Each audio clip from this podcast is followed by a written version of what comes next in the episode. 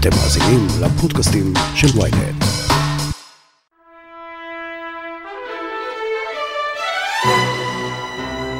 זו הולכת להיות ההצגה הטובה ביותר בעיר. העדים, בנימין נתניהו, המאבקים והפרטים שעוד לא נחשפו, החקירות הנגדיות, לא יהיה פה רגע אחד משעמם.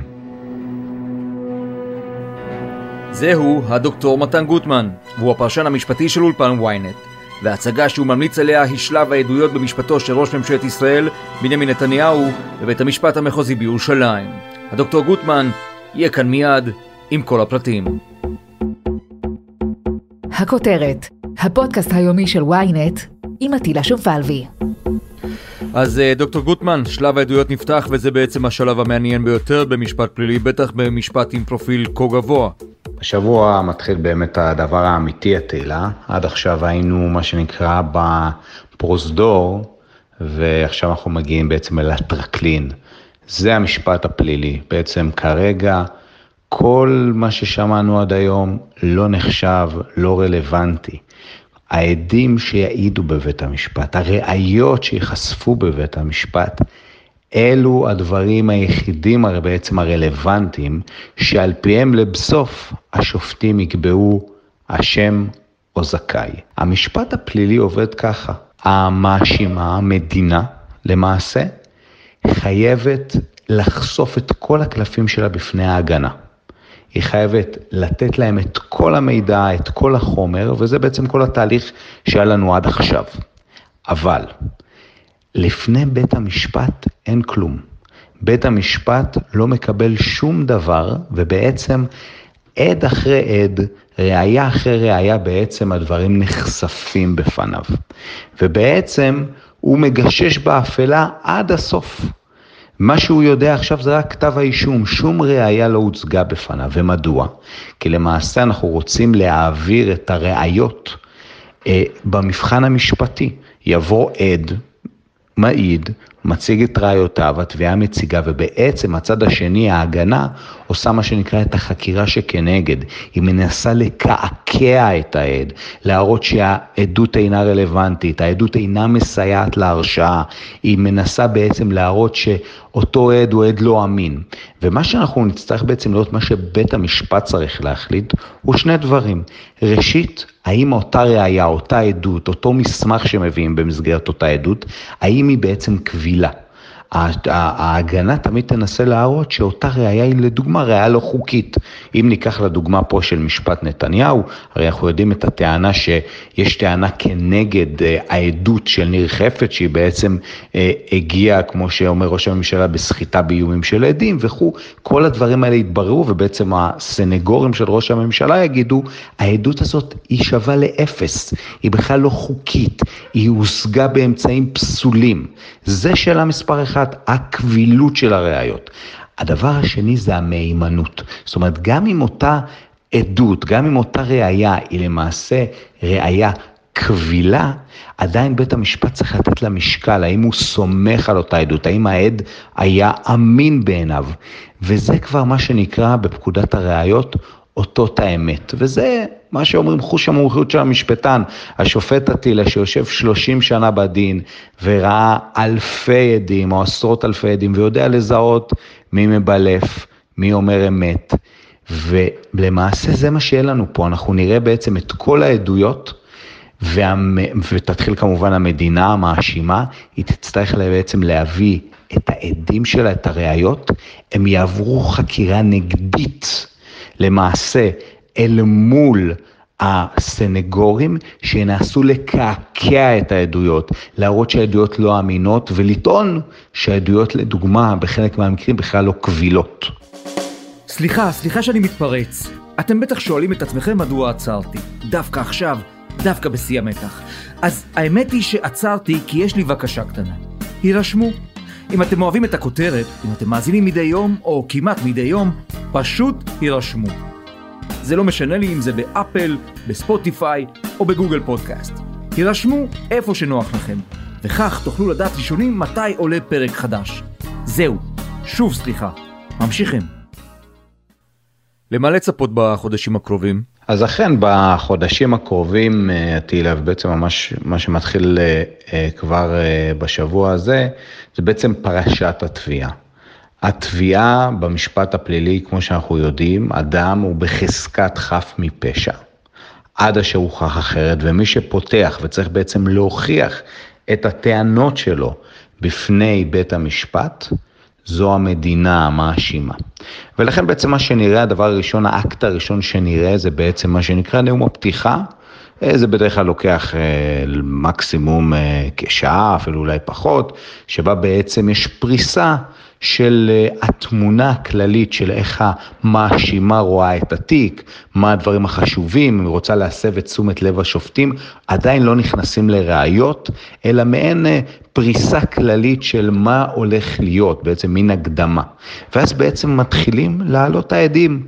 עד, עד עולה, כל עד בעצם פורס קודם כל מה שנקרא בחקירה ראשית, בעצם הוא פורס את העמדה שלו. כפי שבעצם המדינה יודעת אותה בעקבות החקירה במשטרה וכו', הוא פורס את עמדתו, ואז למעשה החלק הקריטי, החלק הכי חשוב, אותו חלק שהוא המעניין ביותר, ושם בעצם עדים יכולים לקרוס, ו- וכל מה שאנחנו מכירים זה בעצם החקירה הנגדית. אותו מיומנות מיוחדת שיש לסנגור, שהוא בא ומנסה בעצם להראות שהעד לא אמין, ולקעקע אותו, ולשלוף את הקלפים, ולהפתיע את העד, כי ההגנה מותר לה לעשות את זה. מותר לה לנסות לקעקע את העד, להראות שהוא לא אמין, שהוא משקר, שהדברים שלו לא רלוונטיים. וזה בעצם מה שאנחנו נראה, אנחנו נראה למעשה את... אה, את נאום הפתיחה השבוע, ממש אה, שיתחיל המשפט אה, על ידי התובעת הראשית ליד בן ארי ככל הנראה, ואז בעצם יעלה העד הראשון, אילן ישוע, ומה בעצם אנחנו נראה? אנחנו, בעצם המדינה ת, תנסה להוכיח באמצעות העדות של ישוע ומסמכים שימסרו לשופטים תוך כדי העדות, היא תנסה למעשה להוכיח את כל מה שהיא אמרה בכתב האישום, שבעצם ישוע הושפע, על בני הזוג אלוביץ' השפיעו על אילן ישועה על מנת לשנות פרסומים למען בני הזוג נתניהו, את כל השיחות בעצם שישוע בא ואומר, הם אמרו לי שצריך לעזור לנתניהו כי נתניהו עוזר להם, יש שם גם סיפור שלם שהם בעצם לחצו על אילן ישועה למחוק את כל העדויות ובעצם לשבש הליכי משפט. יש מסכת שלמה של עובדות שפורסה בכתב האישום, שאילן ישועה כמובן שהמנכ"ל וואלה הוא, הוא דמות מאוד מרכזית בה, ובעצם הוא ינסה, הוא יבוא ו... יטען את גרסתו שאמורה להתאים לגרסה שיש בכתב האישום, אם כבר אנחנו נראה פה איזשהו פער, זה תהיה הפתעה, לדוגמה. ו... לאחר מכן יעלו בעצם הסנגורים וינסו לקעקע את אותה עדות בחקירה הנגדית, אותה חקירה קשה שהעד אמור לעבור בבית המשפט, ורק בסופה בעצם בית המשפט צריך לחשוב האם הוא מתרשם מהעדות, האם זו עדות אמינה, וכמו שאמרנו, ינסו בכלל להגיד אולי שאפילו יש חלק מהדברים הם בכלל למעשה לא קבילים. אז זה בעצם מה שממש מצפה לנו בחודשים הקרובים, זה בעצם עד אחרי עד אחרי עד שיעלה, זה יהיה ארוך, זה יהיה מתיש, זה יהיה עשרות אה, אה, של ישיבות, ובעצם כמו שאמרנו, המרכז זה הנושא הזה של החקירה הנגדית. אם מי שזוכר, כבר לא זוכרים, בזמנו עד המדינה כנגד אולמרט, לא הספיקו לחקור אותו בחקירה נגדית כל הנאשמים שם, כי הוא נפטר תוך כדי העדות. עדים, כולל עדי מדינה שמסרו גרסה מסוימת במשטרה, יכולים להפתיע ולשנות גרסה בבית המשפט? בהחלט. אם יהיה לנו בעצם את ההפתעה הזאת, שפתאום עד אה, מסר גרסה מסוימת למשטרה, למדינה, ופתאום הגרסה שלו על דוכן העדים שונה. זה תהיה סנסציה, זאת תהיה הפתעה, זה קורה, וזה מה שנקרא עד עוין, בטח אה, מכירים את זה אולי מסרטים, מה שנקרא שהתביעה בעצם מבקשת להכריז שאותו עד הוא עד עוין. מה זה אומר שהוא עד עוין? למעשה, התובע מביא, התביעה בעצם מביאה את העדים, הם צריכים לספר את הסיפור שלהם. מי שיש לו זכות, כמו שאמרנו, לתקוף אותם, לחקור אותם בצורה קשה בחקירה הנגדית, זה הסנגורים של ראש הממשלה ושאר הנאשמים. אם אותו עד בעצם מוכרז כעד עוין, ובית המשפט מסכים להכריז עליו כעד עוין, בעצם משתנה סדר הזמנים, סדר החקירות, ומה שקורה שפתאום המדינה, המאשימה, יש לה את הזכות לעשות חקירה נגדית לאותו עד עוין ולנסות לקעקע את העדות שלו ולהבין מה בעצם קרה, מה השתנה בין העדות שניתנה במשטרה לבין העדות בעצם בבית המשפט, אך זה לא הכל. בהתאם לפקודת הראיות, יש תנאים ולא לא נרחיב, אם זה יגיע אנחנו כמובן נקדיש לזה פרק שלם, זה מה שנקרא העד השותק או העד המפוחד, יש, יש תיקון בפקודת הראיות, שבעצם בא סעיף בפקודת הראיות, שמאפשר בעצם להביא בפני בית המשפט את העדות שניתנה במשטרה, ולהגיד לבית המשפט, אנא יתעלם ממה שהוא אמר פה. בדוכן העדים כי הוא שינה גרסה פתאום, הוא מפחד, מישהו השפיע עליו, אני לא יודע מה יהיה הטיעון כמובן של המדינה, אנחנו מבקשים שתיתן משקל אך ורק לדברים שהוא אמר במשטרה בזמן אמת, בזמן החקירה שלו. אם זה יקרה זה כמובן סנסציה גדולה, זה דרמה גדולה, זה קורה במשפטים. ובטח ואם זה יקרה במשפט הזה, זה יתפוס את כל הכותרות, זה יהיה מאוד משמעותי, וזה הדברים הכי מעניינים, לזה אנחנו בעצם רוצים לראות מה יקרה, אנחנו רוצים בעצם לראות האם, האם ההגנה פה תצליח להפתיע, האם עדי מדינה ש... העדות שלהם ניתנה והמש... והמדינה סמכה את ידה על אותה עדות בזמן שהגישה כתב אישום, פתאום על הדוכן העדים, מה שאנחנו מכירים, קורסים על דוכן העדים, משנים את האמרות שלהם. וזה המשפט הפלילי. צריך לזכור, מה שהיה עד עכשיו הוא לא רלוונטי, אלא אם כן באותו מקרה יוצא דופן שאמרתי, מה שרלוונטי זה מה שקורה על דוכן העדים, זה רגע האמת. ולכן בהחלט זה יכול להיות, ואם יקרה לנו את המקרה הזה של עד עוין, זה יהיה מאוד מאוד מאוד מעניין. ההגנה יכולה להיות מופתעת בשלב הזה, או שהכל כבר בקלסרים שהפרקליטות הכינה והעבירה הלאה? האמת שלא, בשלב הזה ההגנה לא יכולה להיות מופתעת, לא רק שיכולה, אסור לה להיות מופתעת. אנחנו נמצאים בשלב שלמעשה כל החומר, כל חומר החקירה הועבר להגנה, וכל מה שההגנה רצתה לקבל היא בעצם התראה. ראש הממשלה יחויב להתייצב לדיונים, למה בעצם? מהרגע שבעצם יעלה אילן ישועה על הדוכן, ראש הממשלה יהיה פטור. ובית המשפט אמר את זה, אבל בוא, בוא נגיד בעצם מה הכלל. הכלל אומר שבית משפט בפלילי ידון אדם בפניו, וזה למען זכויות הנאשם כמובן, שאנחנו, אף אחד לא רוצה להיות נדון במשפט סודי, במשפט שהוא לא יודע מה קורה, זאת אומרת, זה זכות של אדם. בהמשך קובע חוק סדר הדין הפלילי, סעיף 128, שאדם יכול לבקש בעצם לא להיות בבית המשפט במשפטו, אם הוא מיוצג על ידי סנגור, זה ברור שראש הממשלה מיוצג על ידי סנגור, ואם לא יהיה בשפיטה שלו משום עיוות דין. זאת אומרת, המבחן בסוף הוא מבחן עיוות הדין, ובסוף זה הצורך של בית המשפט באמת בנוכחות של הנאשם בדיון עצמו. ויש לנו פסק דין ידוע, האמת היא של אהרון ברק, אני חושב, כתבתי פעם טור, שמי שיכול בעצם לסייע פה בכל הנושא הזה של ההתייצבות, זה אהרון ברק לאהרון, לנתניהו, כי בעצם היה פעם מקרה ידוע שנאשמים עשירים ומכובדים, שהם רצו להמשיך בעסקיהם, היה להם עסקים חופקי עולם, ובעצם היה להם איזשהו משפט פלילי, ובית המשפט אמר, זה מראית פני הצדק, מבקשת שגם עשירים, אנשים עשירים ומכובדים, ישבו על ספסל הנאשמים.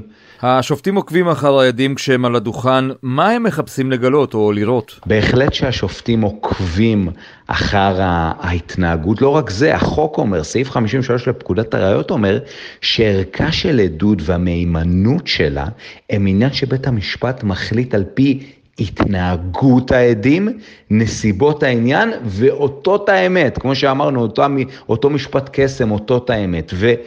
לא צריך להרחיק רחוק, לא צריך להפליג רחוק. אולמרט הורשע על צחוק. פשוט ממש הורשע על צחוק.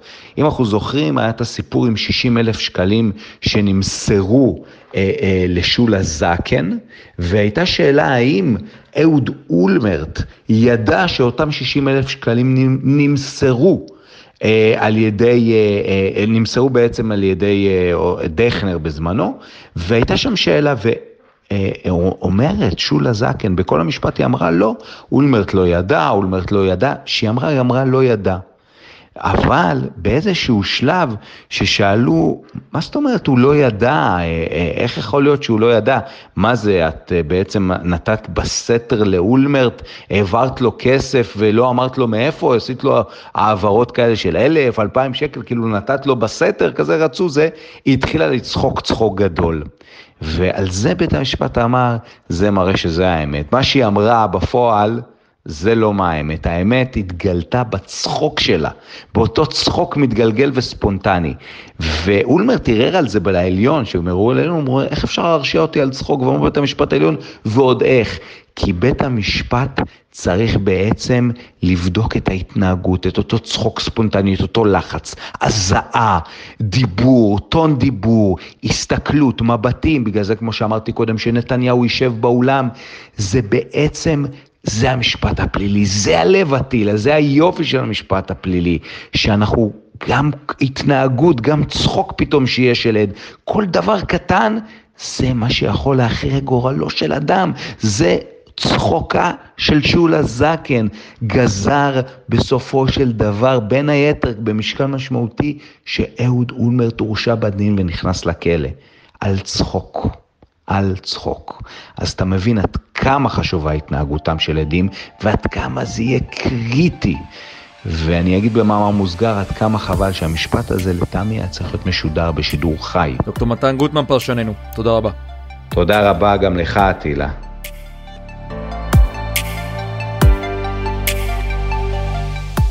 עד כאן הכותרת להיום, מחר נהיה כאן שוב עם פרק נוסף. אתם יכולים להאזין לנו בוויינט, בספוטיפיי, באפל ובכל אפליקציות הפודקאסטים באשר הן.